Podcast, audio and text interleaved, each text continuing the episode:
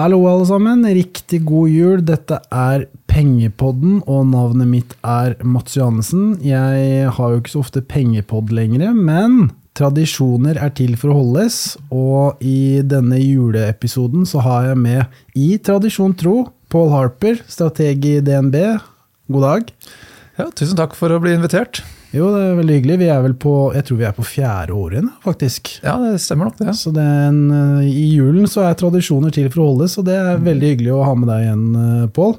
Eh, vi skal jo prate, eh, som vi egentlig alltid gjør i disse episodene, om eh, oppsummere markedet i, eh, innenfor respektive år, altså 2023-markedet, og det har jo skjedd ekstremt mye. Og så skal vi jo prøve å, å spå i glasskulen, eller i hvert fall se inn i 24, og hva som eventuelt kan skje makromessig, hvilke selskaper, om det blir resesjon etc. Og så skal vi prate litt også om eh, aksjeprising kontra rentemarkedet, for der har jo du eh, vært eh, mye ute og snakket litt om det, Pål. Og så til slutt skal vi også snakke litt om det som kanskje alle syns er mest spennende, og hva Pål eh, tror på av aksjer eh, neste år. Så jeg tror egentlig vi bare kan kjøre i gang, eh, Pål.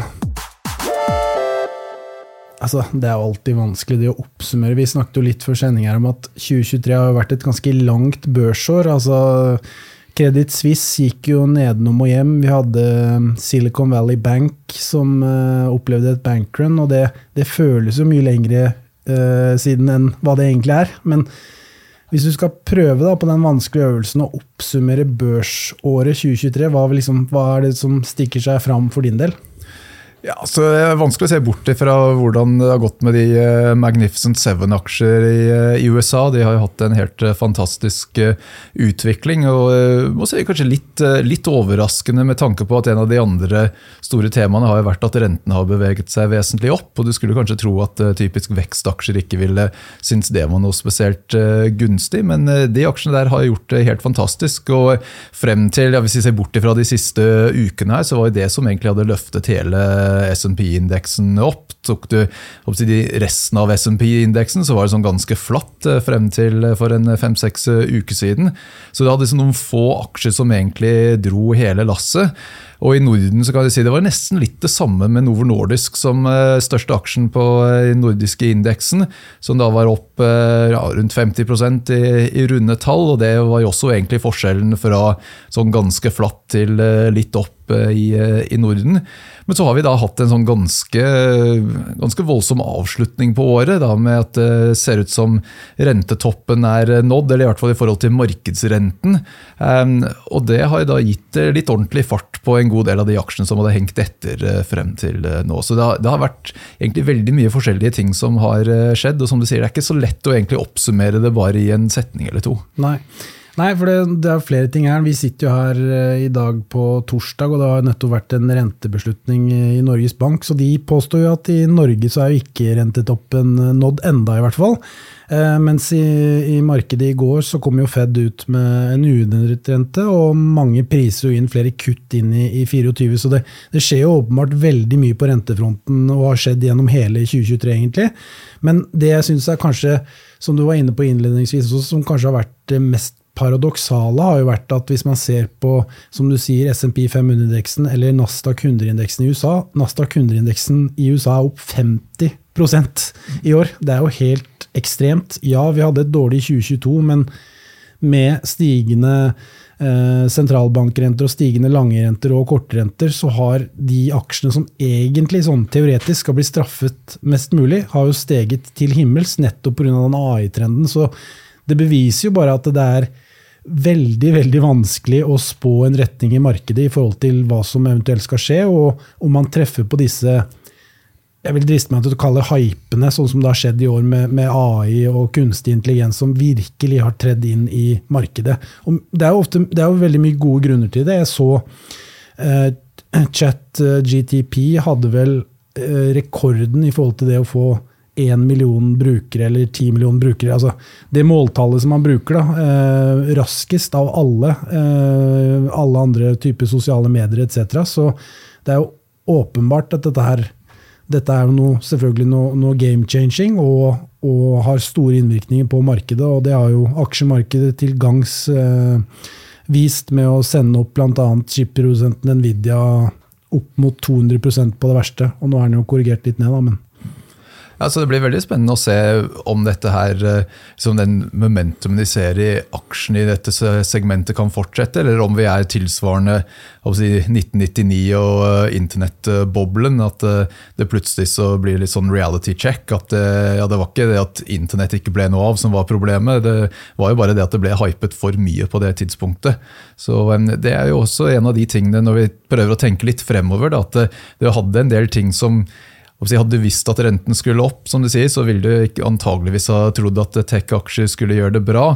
Men da til neste år, når renten sannsynligvis kommer ned, kanskje da tech-aksjer ikke gjør det så bra i en situasjon hvor de kanskje allerede har gått mye da, relativt til renten, og neste år blir en litt mer sånn korrigeringsår. Så jeg synes eh, mange av disse spørsmålene her eh, Blir man overrasket det ene året, så, så, blir det kanskje sånn at eh, man blir overrasket motsatt vei året etter, og at over tid så skal disse teoretiske tingene henge sammen. Men i kortere perioder så er det klart da kan jo ting gå litt i hver sin retning, og det tar litt tid før du finner balansen igjen. Mm. Ja, og det er jo som du var inne på med Magnificent Seven. Eh, du har jo pratet litt om det før, Paul, men det er jo eh, det har jo vist seg egentlig de siste fem til seks årene spesielt at det har vært en veldig smal oppgang, spesielt i USA, med at de store, tunge selskapene, så da snakker vi om eh, Alphabet, altså Google, Amazon, Meta, Apple eh, og nå Nvidia blant annet, og Tesla, har drevet oppgangen. og jeg så vel noen tall på at eh, disse Magnificent Seven nå omtrent er 30% av indeksen. Så uh, altså, det er de som flytter lasset, for å si det på den måten. Og det er jo det er jo litt sånn det er i et kapitalistisk samfunn at the winner takes it all, men det er kanskje gått litt for langt, hvis du, hvis du skjønner hva jeg mener? Ja, det, det, tror jeg absolutt er en, en utfordring. For det, det, er jo sånn at uh, Kapitalisme det skal jo være creative destruction, og det, det, blir jo da, hvis du har en situasjon hvor du plutselig bare sitter igjen med noen få store selskap, så blir jo en god del av den effekten bare at du, det du destruerer, er alle de mindre selskapene som eventuelt kunne kanskje ha vokst seg store og, og klart å, å, skape noe nytt. Så, så, det er ikke liksom noe sunnhetstegn, syns jeg, at du får denne konsentrasjonen eh, i indeksen. Og det er jo noe som eh, over tid så har jo vært andre perioder hvor du også har hatt eh, veldig konsentrert eh, oppgang. Så det er ikke noe som nødvendigvis behøver å, at det, sånn skal det være i, i evig tid fremover. Men, men, det er jo absolutt en del utfordringer rundt dette her. Det har jo vært noen forsøk i USA eh, med, innenfor sånn konkurransetilsynet der å prøve å gjøre, gjøre, noe med enkelte av disse store selskapene. For eh, spesielt Amazon eh, har jo utviklet seg ganske voldsomt fra å være en internettbokhandel. Nå driver de på med veldig mye forskjellige ting. og eh, da, da, er det jo litt sånn at det er ikke kanskje helt naturlig at de skal ha så stor makt over så mange områder, og tilsvarende den makten som eh, Google og en del av disse andre selskapene har.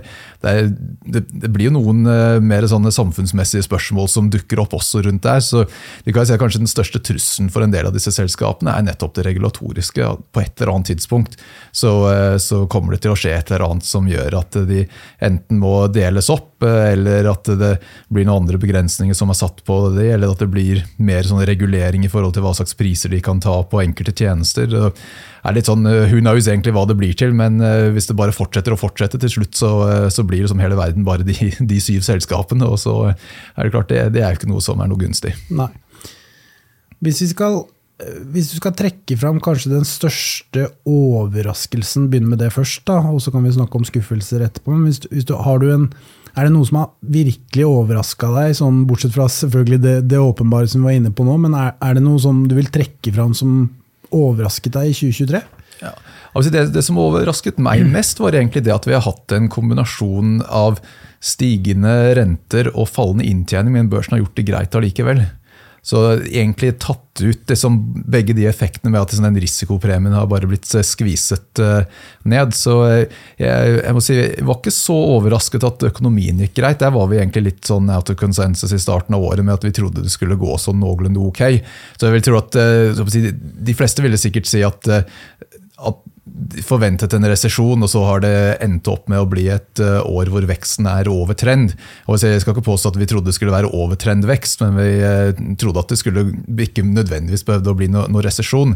Så klart Det er jo en, en, en, overraskelse, det også. Men til tross for at du har hatt bra vekst i økonomien, så faller inntjeningsestimatene mens rentene kommer opp med den veksten. og Det skulle normalt sett, tror jeg i hvert fall, falle, kombinasjonen fallende inntjening og stigende renter skal jo i hvert fall i teorien slå ut negativt for aksjer.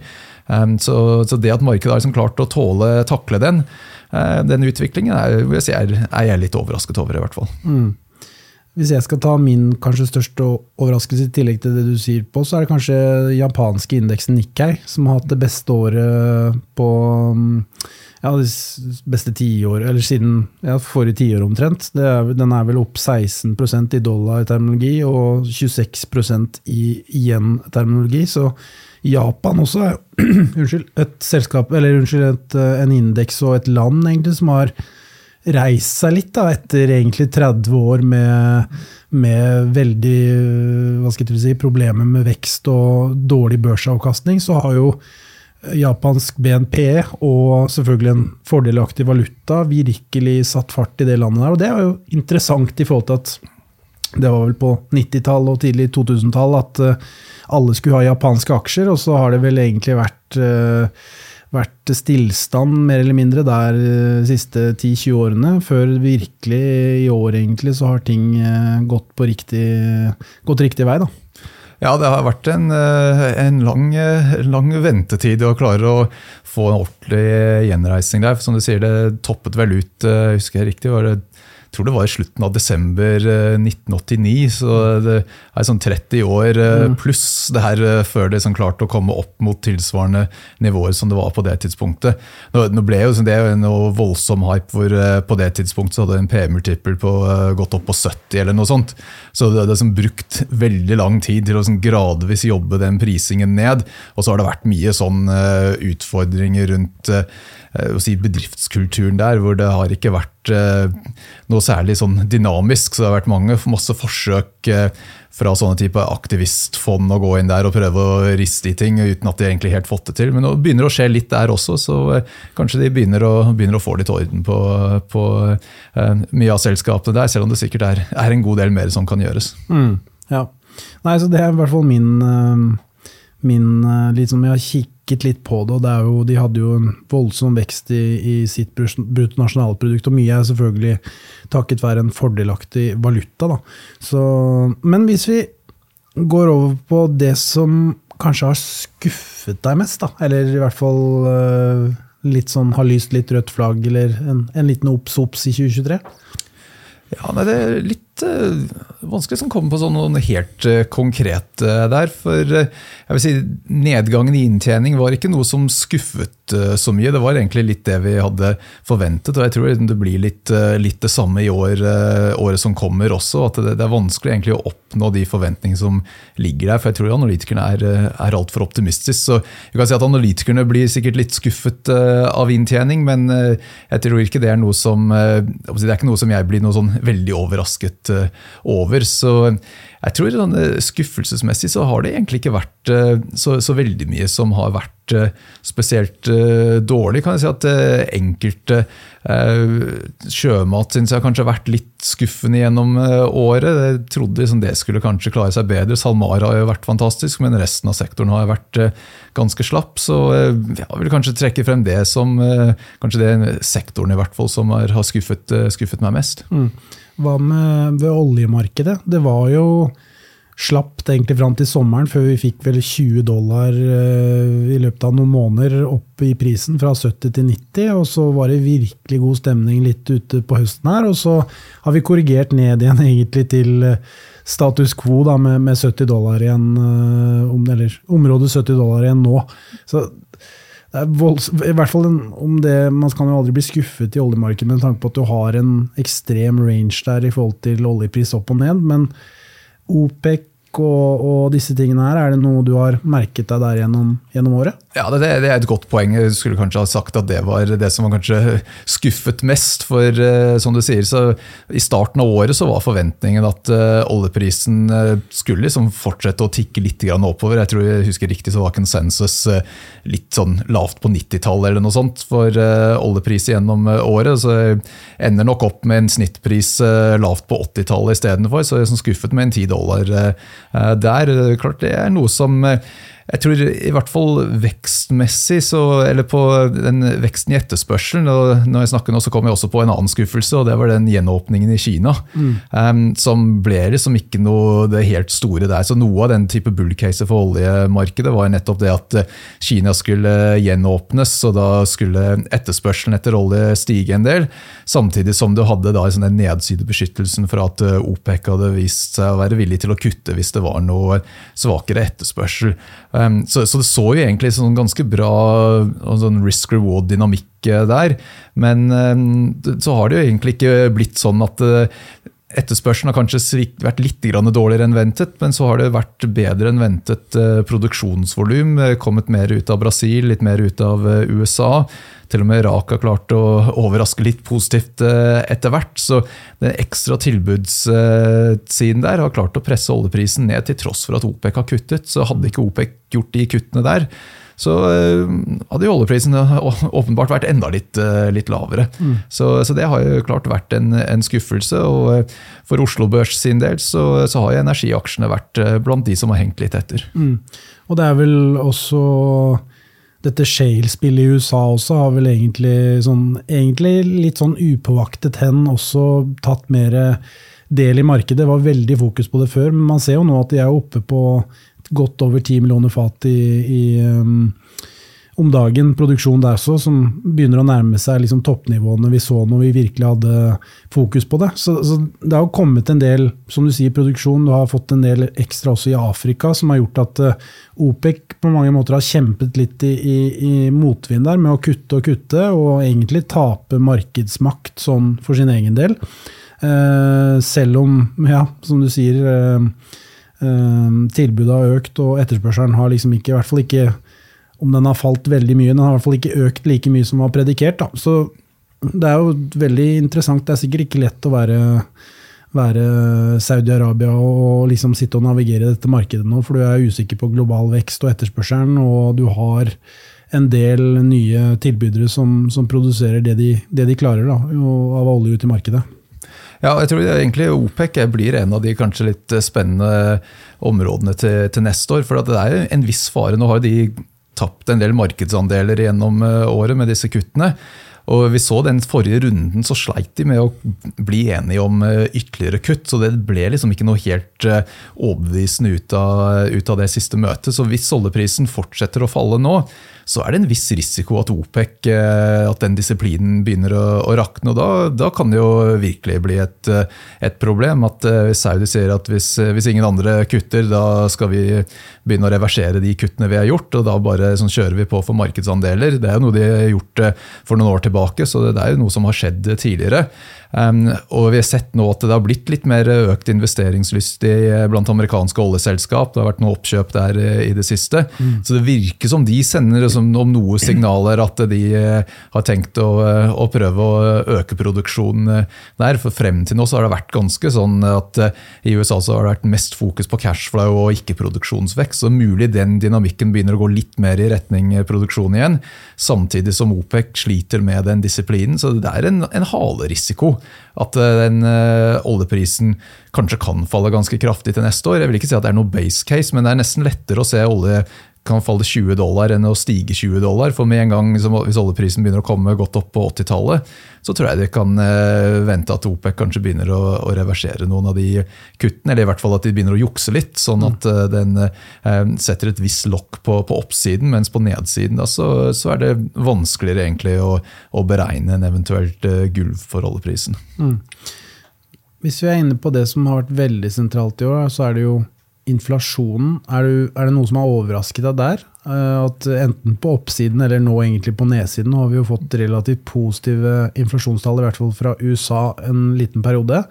Og det ser jo ut at på sikt så er man i hvert fall på riktig vei, eh, med litt opp- og nedturer. Men er det noe du har eh, bitt deg merke i og, og meninger om? Ja, så jeg tror Inflasjonen nå er vel omtrent der man trodde skulle være for et år, et år siden. Så Tidligere i år så var det egentlig litt sånn overraskelse at det, det, ikke falt like fort som enkelte hadde håpet, og så har det falt litt fortere nå den siste, siste perioden. Så alt i alt så vil jeg ikke si at det har vært den, den største overraskelsen. Um, og Det blir jo også interessant uh, nå de neste månedene, så kan vi si med ganske stor sikkerhet at inflasjonen kommer videre ned. For det er en viss sånn lag-effekt med at uh, spesielt hus husleie er noe som eh, det skal liksom spres over tolv måneder. For det er jo sånn at eh, du, du reforhandler ikke husleie eh, en gang i måneden. Så i de inflasjonstallene så er det et bevisst forsøk på å prøve å spre den effekten ut. Så det du ser av nye inngåtte leieavtaler, leder den faktiske, eller den inflasjonen som blir brukt i tallene. Så ut ifra det så kan du si at nesten garantert, når det er en såpass stor komponent av inflasjon, så kommer inflasjonen enda mer ned nå de neste månedene, nesten uansett. Og så må man liksom se til hvilken grad er det lønnsveksten da begynner å flate ut på et eller annet eh, nivå, eller kan det bare fortsette å, å tikke nedover. Så Det er jo ikke helt umulig at du kan få et eh, negativt fortegn på inflasjon. At det kanskje liksom undershooter eh, i løpet av neste år, og så eventuelt kommer opp igjen. Så Det er jo også noe som det er stor, si stor utfallsrom der. For at du har en del av disse sånn sticky-komponentene, og noe som er mer beveger, beveger seg fortere. så det er veldig mye usikkerhet der helt hvor vi kommer til å ende opp. både i forhold til hvor eh, bunnivået eventuelt viser seg å være, men så om det da får en, en, ny runde opp, og hvor det eventuelt flater ut etter hvert. Men da må vi nok et godt stykke ut til neste år før du egentlig begynner å få noe fasitsvar på, på det der. Hvis vi går inn i det nye året, da, Pål.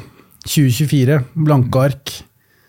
Noen, er det noe du ser i, i glasskulen holdt jeg på å si, eh, som blir toneangivende for, eh, for, året? Og hva du tror blir den avgjørende, kall deltaen, for markedsretningen?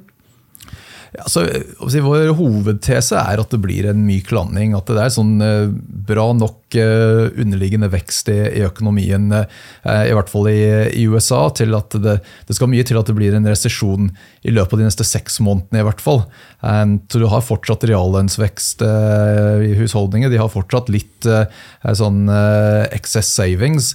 Og jeg vet Det er litt sånn uklart både hvor store disse beløpene er, og helt hvordan de er fordelt. og Det er nok mest blant de, de rikere som sitter igjen med, med, oppsparte midler fremdeles. Men så er det også viktig å huske at det er mange når de tenker på de rike i USA, så tenker de på liksom den 1% eller den 0,1 mm. Men det er i hvert fall blant liksom de, de 20% rikeste, så har jo de eh, fortsatt en god del eh, penger eh, på bok. Og det er jo de som egentlig står for den største delen av konsum i, i USA. Så, så, jeg tror det er litt for enkelt å si at uh, nå er liksom de oppsparte midlene sitter bare hos de, de, de, rikeste, og da påvirker ikke det forbruket deres. Så jeg tror liksom husholdningene kommer til å klare å holde det noenlunde greit uh, i gang. og det er jo sånn at uh, De fleste har fastrente i, i USA, så den rente, de rentehevingen vi har sett, slår bare veldig sånn gradvis inn. Det, det, har jo en gradvis effekt eh, etter hvert, men eh, det, det, er ikke noe som eh, nødvendigvis slår ut for de aller fleste med en gang. Så jeg tror den delen går relativt bra. Um, og bedriftene klarer seg sånn forholdsvis greit, de også, ser det ut som. Så jeg ser liksom ikke helt hva det er som skal bli en, en, showstopper. Kanskje den største risikoen er det at du har så å si full employment i USA. Og i år så har man klart å eh, sørge for at det, det har kommet nok nye folk inn i landet. Det har blitt eh, ganske økt eh, immigration inn i, inn i, USA. Så tilbudssiden på arbeidsmarkedet har gjort at eh, du har fått arbeidsledigheten litt opp, uten at det egentlig har vært så veldig mange som har mistet jobben. Mm. Og Det er en sånn viktig nyanse. Det er noe som heter Sams rule, som sier at hvis ledigheten øker med 0,5 prosentpoeng, da blir det en resesjon. Liksom Logikken bak det er at hvis du ser at naboen mister jobben, da begynner du å spare litt ekstra selv fordi at du er redd at kanskje du blir nestemann til, til, å miste jobben. Og Hvis alle gjør det, alle som begynner å bruke litt mindre, da begynner man å merke det på, på veksten i økonomien. Men denne gangen så har den ledigheten har jo økt litt, men mer fordi at det er flere folk i arbeidsstyrken heller enn at folk mister jobben. Og i tillegg til det, når folk har oppsparte midler, eller de har litt mer enn normalt, i hvert fall, så er det ikke sikkert at de nødvendigvis sparer enda mer hvis de ser at eh, naboen eh, mister jobben.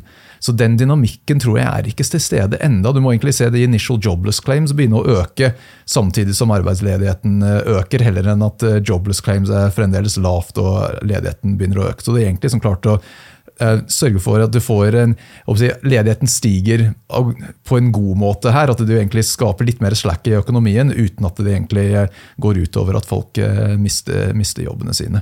Så det kan jo eventuelt, Hvis det viser seg at du når det punktet nå hvor participation rate flater ut, du får liksom ikke noe flere folk ut i arbeidsmarkedet, da hvis økonomien skal begynne å akselerere på nytt igjen, da har det en eh, viss utfordring at eh, er du en bedrift som trenger flere folk fordi at det får bedre etterspørsel og sterkere vekst, ja, da må du kanskje gå til en konkurrent og prøve å eh, lokke deres ansatte over til deg selv, og da må du antageligvis betale mer og få si, tilbud i høyere lønn. Og Da kan vi liksom komme tilbake igjen i den type prislønnsspiralen igjen.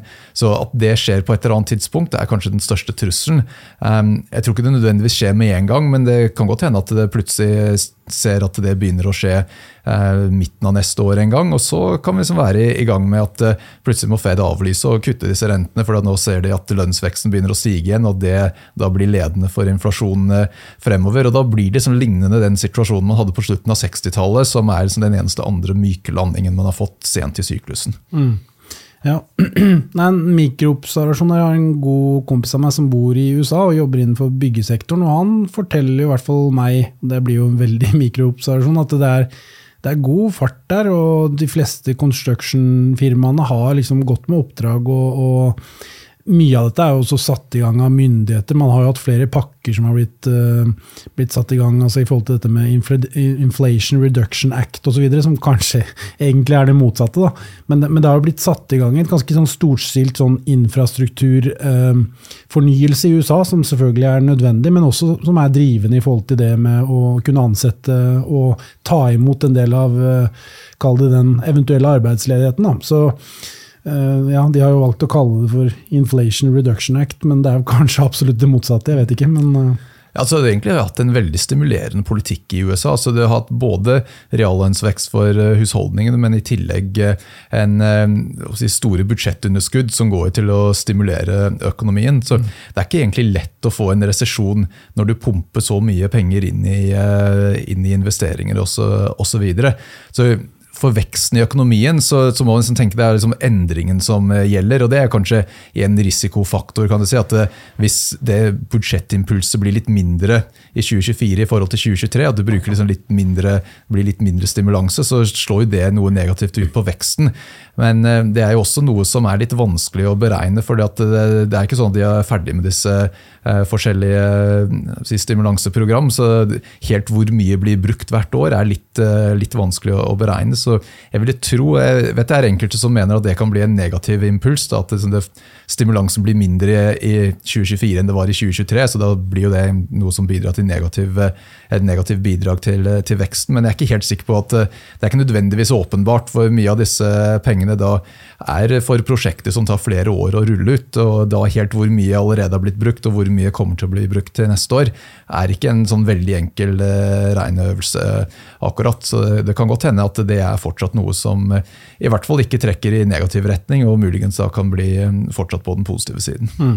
For man hører jo, det er vel Hvert eneste år så heves jo dette gjeldstaket også. det det virker jo ikke til å ha noen voldsom effekt på dollaren heller, egentlig. Så, så det er klart at det er jo en farlig, en farlig sånn kombinasjon da, i forhold til at man kanskje ser at eh, man kan fortsette å trykke, trykke nye penger, og det har ikke voldsom effekt for valutaen. Eh, så ja, nei, det, det er interessant. Jeg tror, jeg tror, du er inne på et uh, veldig interessant område der. for uh, nå, nå, har jo renten kommet noe ned, men uh, uttrykket 'bond vigilante' er noe som ble brukt mye på 90-tallet, og så har plutselig det begynt å, å, være et uttrykk man hører igjen. og Det egentlig går ut på det at på 90-tallet så var jo rentene høyere enn, enn det har vært i de siste 10-15 årene.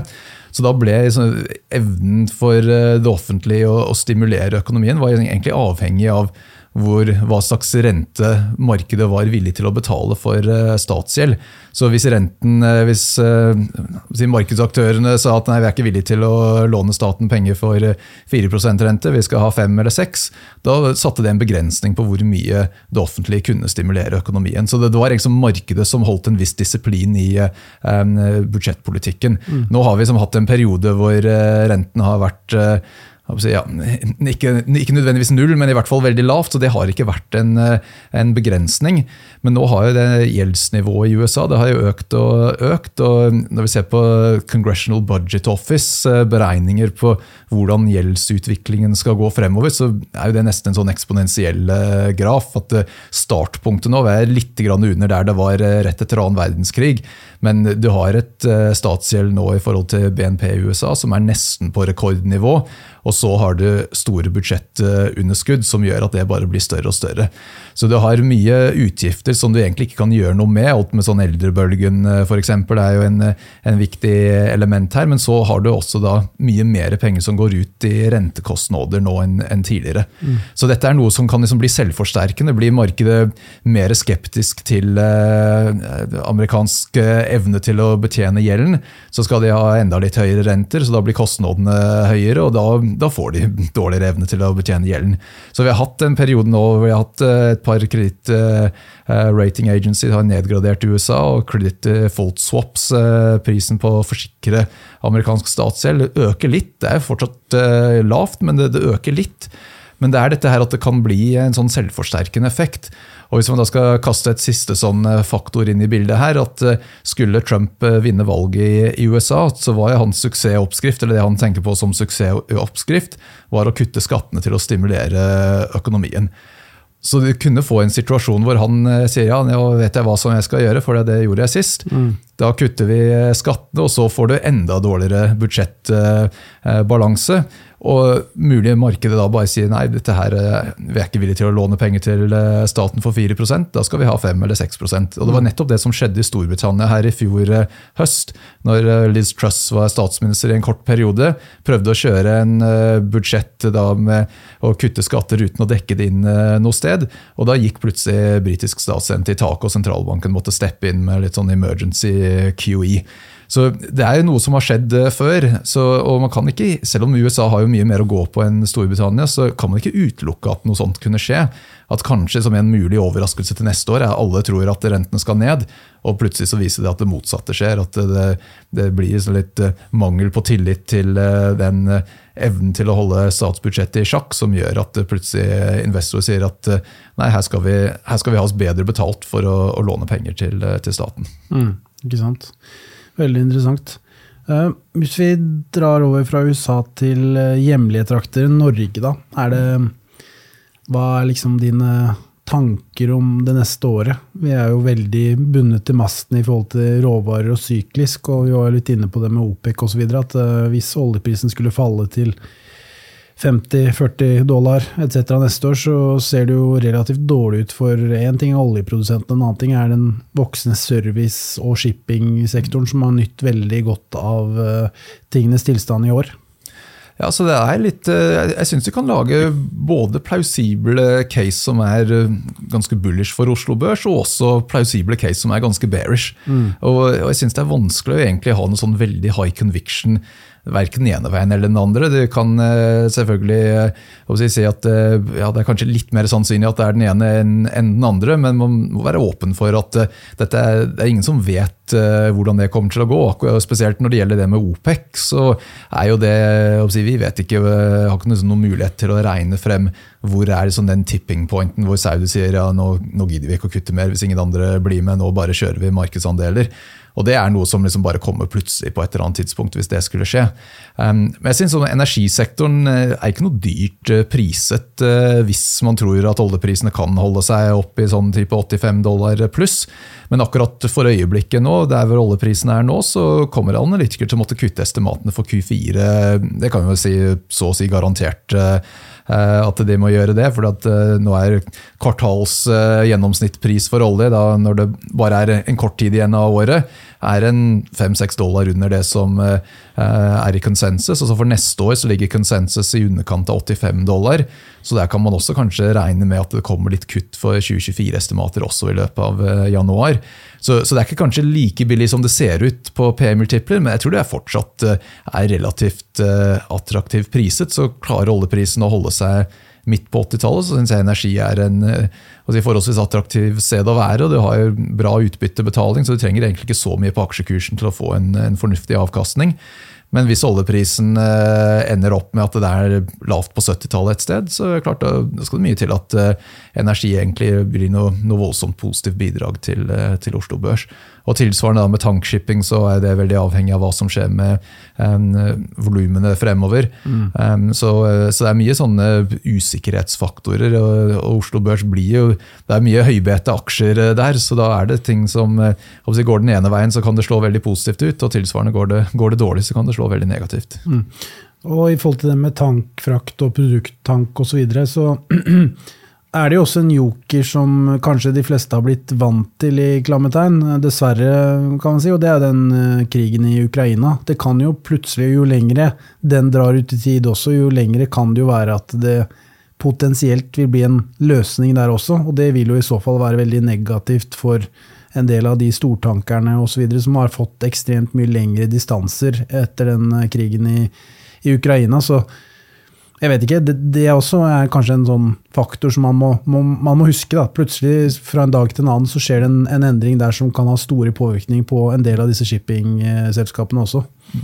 Ja, jeg syns det er vanskelig egentlig å, å, beregne helt det. For på ett vis så kan jeg si at det skal vel kanskje mye til at uh, Vesten begynner å kjøpe mye fra Russland uh, uansett. For blir det, blir det noe noe settlement i, eh, i, Ukraina, så er det ikke sikkert at det er noe som man egentlig er noe særlig fornøyd med. Det blir jo kanskje noe man er litt, sånn litt tvunget frem til en slags eh, standstill mer enn, eh, mer enn noe annet. Så det kan godt hende at sanksjonene og det blir, blir, værende. Men så på den andre siden så har det russerne egentlig vist seg å være ganske flinke til å få ganske mye olje og gass ut allikevel.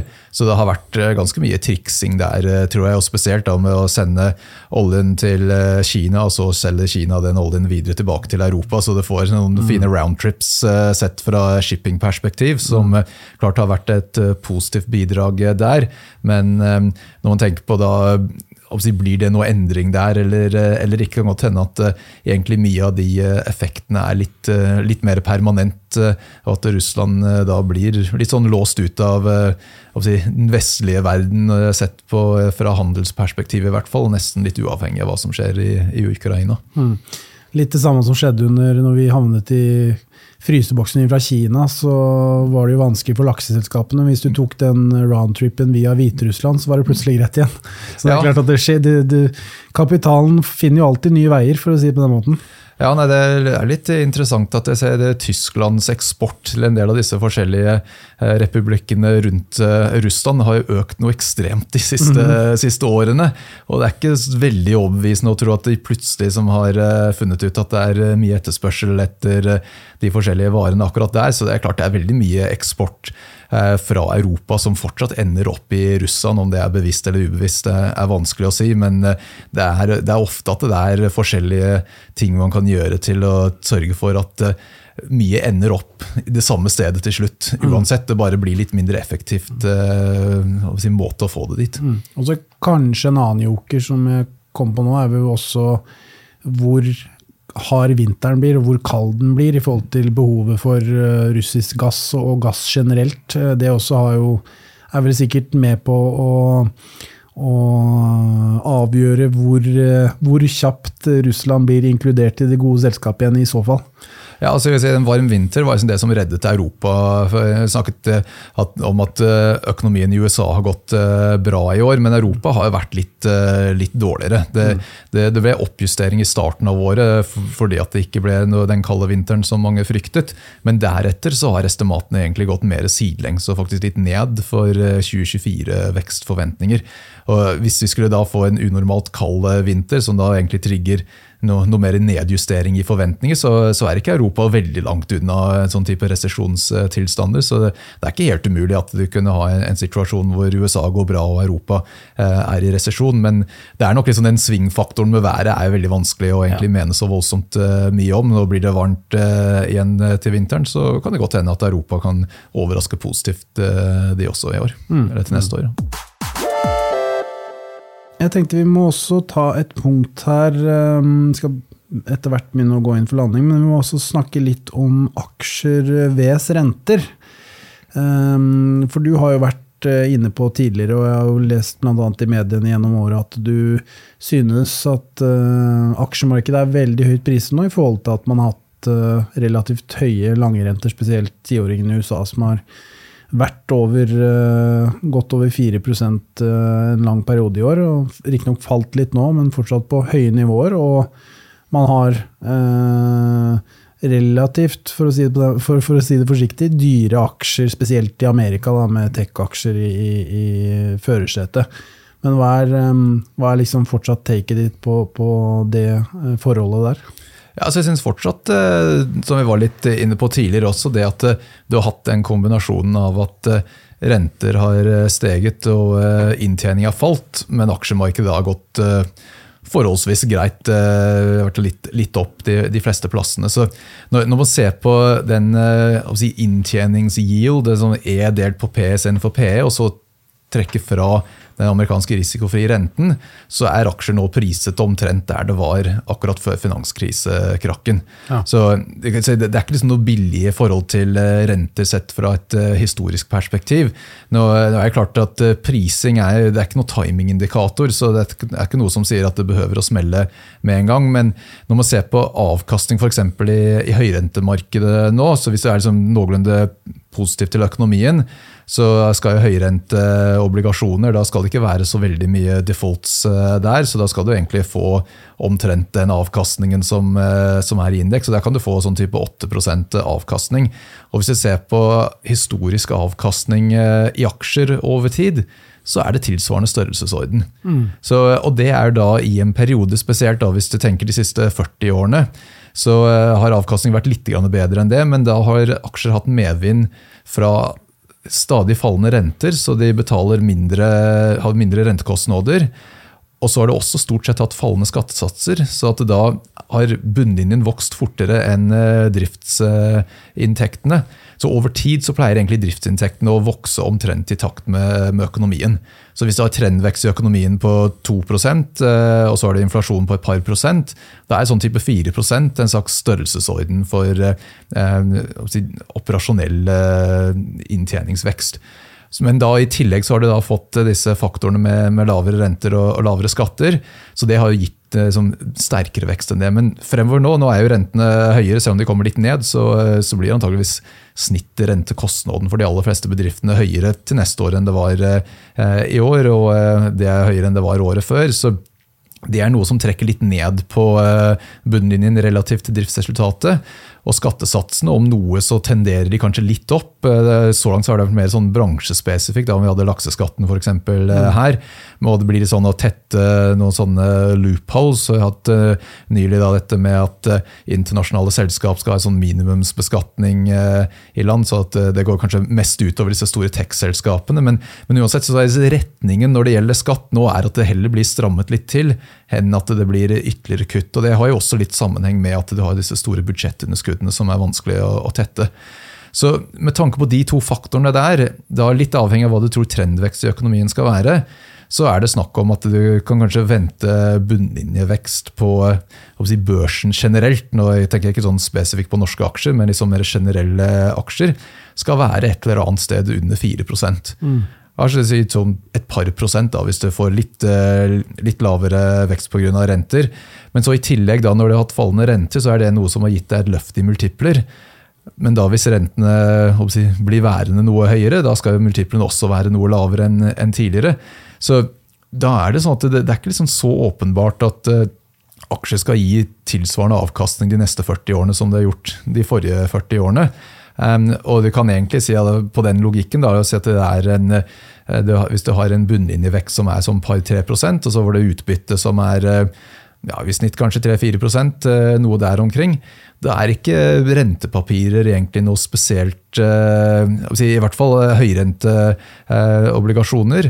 Hvis du kan få 8% der, så, så syns jeg aksjer er forholdsvis dyrt. Mm. relativt sett. Hvis du tror det blir resesjon eller du tror økonomien går dårlig, da skal, da skal, du heller ikke ha aksjer. Da har du enten sånn investment grade-obligasjoner hvor du kan få en ja, 4-6 eh, noe der omkring. Og så er, tror du det skal gå helt i veggen, så er det statsobligasjoner som du får rundt 4 eh, på. Mm. Så det er egentlig litt sånn at eh, du skal ha veldig mye som skal gå riktig vei egentlig for at du skal få vesentlig bedre avkastning i aksjer enn en rente. Så jeg syns ikke du får betalt den ordentlige risikopremien der. Du skal få bedre betalt for å eie aksjer enn en renter pga. den eh, risikoen at aksjer kan, eh, kan alltid gå til null eh, i verste fall. Mm. Men som regel så får du i hvert fall noe, selv om det er en default i en high yield-obligasjon, så får du som regel noe, noe, tilbake igjen. Det er noe recovery vanligvis. Mm. Så, så, jeg syns ikke du får godt nok betalt, rett og slett. Det betyr ikke at aksjer behøver å falle, men jeg tror du, du får bedre risikojustert avkastning i renter. Mm. Og etter det voldsomme året, spesielt på Nasdaq 100, så er det jo så faller jo sannsynligheten på at du skal få et veldig godt neste år, da, gitt at eh, markedet kanskje har tatt inn over seg veldig mye av denne AI-drevne veksten allerede. Eh, men en annen ting som jeg kom til å tenke på i forhold til dette med skatter osv. i USA, det er jo at det er jo et valg neste år. På denne tiden, eh, eller rundt november neste år, så er det vel et presidentvalg som står på trappene. og det blir jo da sikkert veldig avgjørende for hvem som Vil Joe Biden fortsette, så vil det jo kanskje nærme seg typisk eh, at man får litt skatteøkninger osv. Mens eh, hvis f.eks. Trump skulle vinne, så vil det vel kanskje gå strake veien motsetning, eh, holdt jeg på å si. Så det er jo kanskje også en joker, det, hvem som, hvem som eventuelt vinner der, og hvordan markedet reagerer på det i ettertid.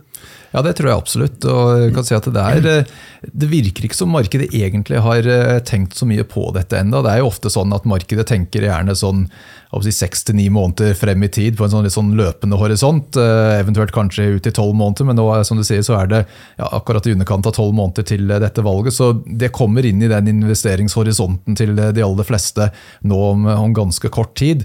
Og om ikke annet så tror jeg man kan være ganske sikker på at det blir en forholdsvis grisete valgkamp, eh, nesten uansett hva resultatet skulle, skulle vise seg å være.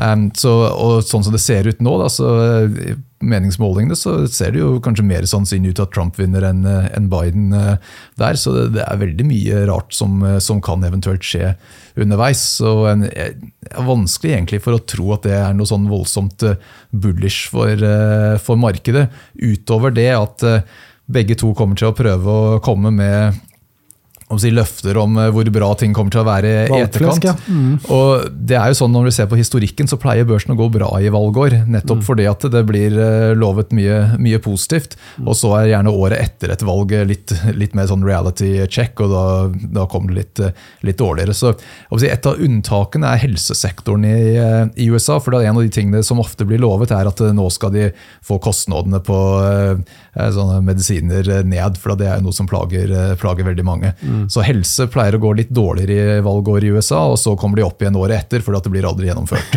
noe på det. Ikke sant.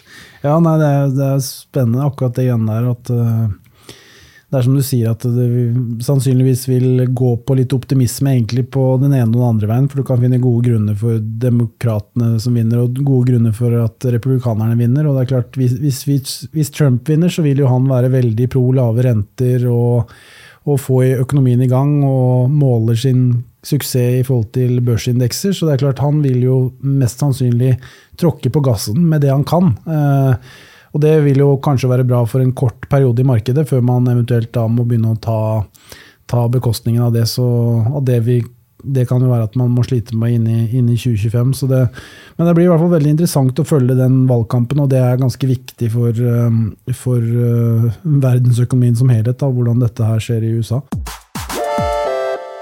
Men hvis vi går inn for landing nå, um, Pål. Nå har vi pratet om veldig mye, oppsummert 2023, sett litt inn i 2024, og um, du har kommet med veldig mye interessante punkter som eh, jeg og lytterne kommer til å sette stor pris på.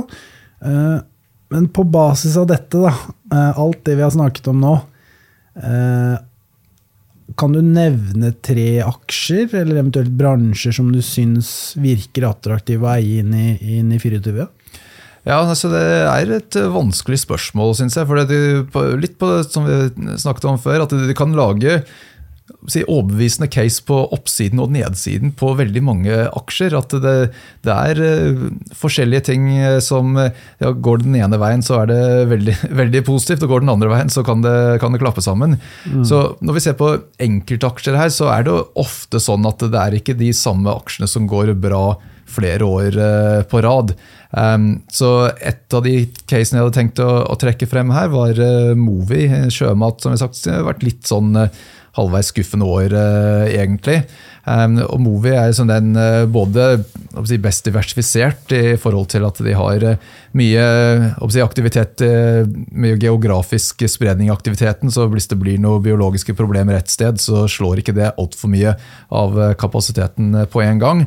Og så er nok kanskje de som er best i stand til å håndtere eh, lakseskatten. For der, når du har mye forskjellig rundt omkring, så er det litt lettere da å, å kanskje dytte litt mer av eh, aktiviteten i de områdene som ikke blir skattet. Eh, for det blir jo mye sånn internprising og sånne type ting. Så det er nok lettere for Movi å eh, komme best eh, ut av akkurat det. det.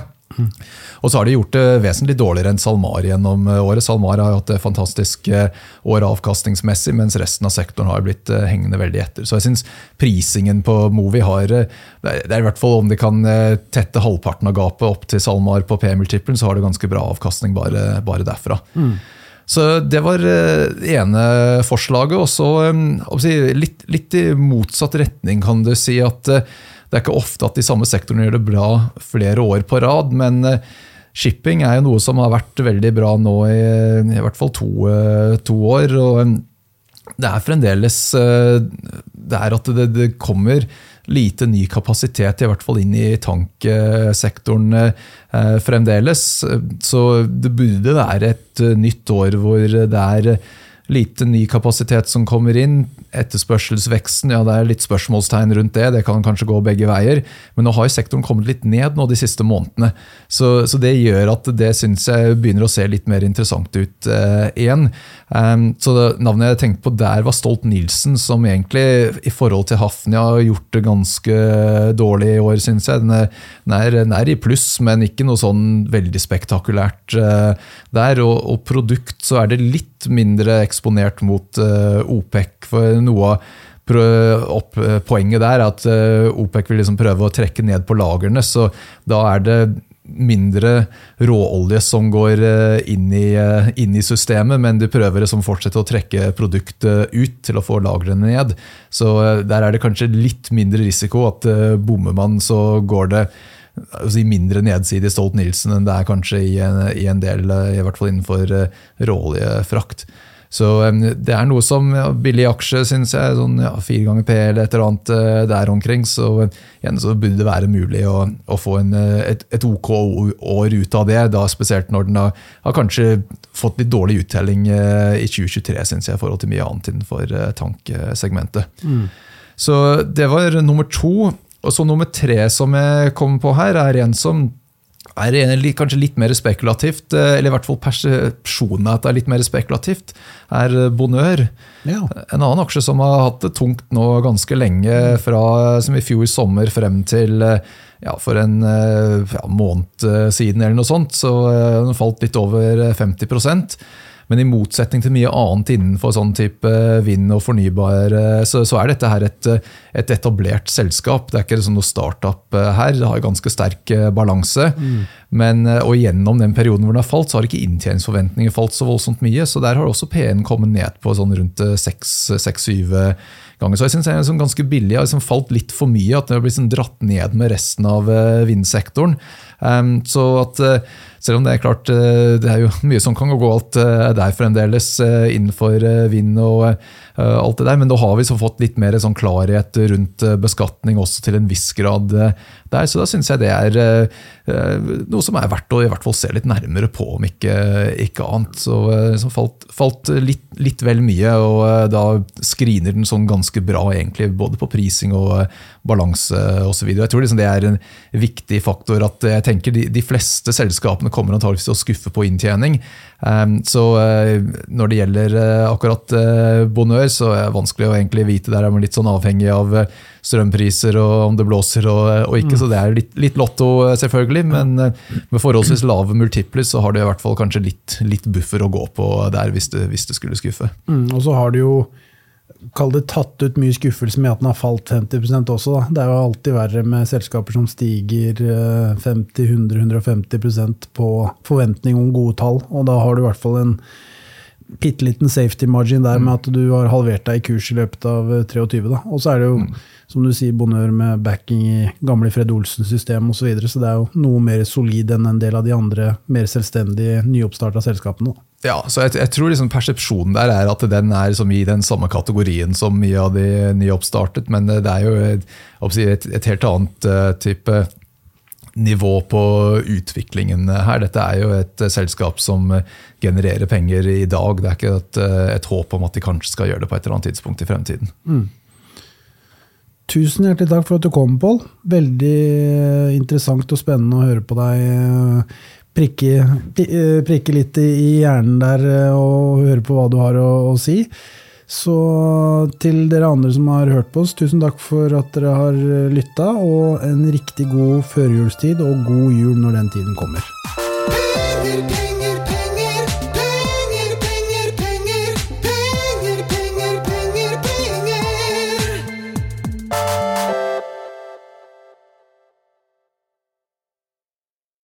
Denne podkasten skal anses som markedsføringsmateriell, og innholdet må ikke oppfattes som en investeringsanbefaling. Podkasten er kun ment til inspirasjon og informasjonsformål. Nornett tar ikke ansvar for eventuelle tap som måtte oppstå ved bruk av informasjonen i denne podkasten. Les mer på disclaimer på nordnett.no.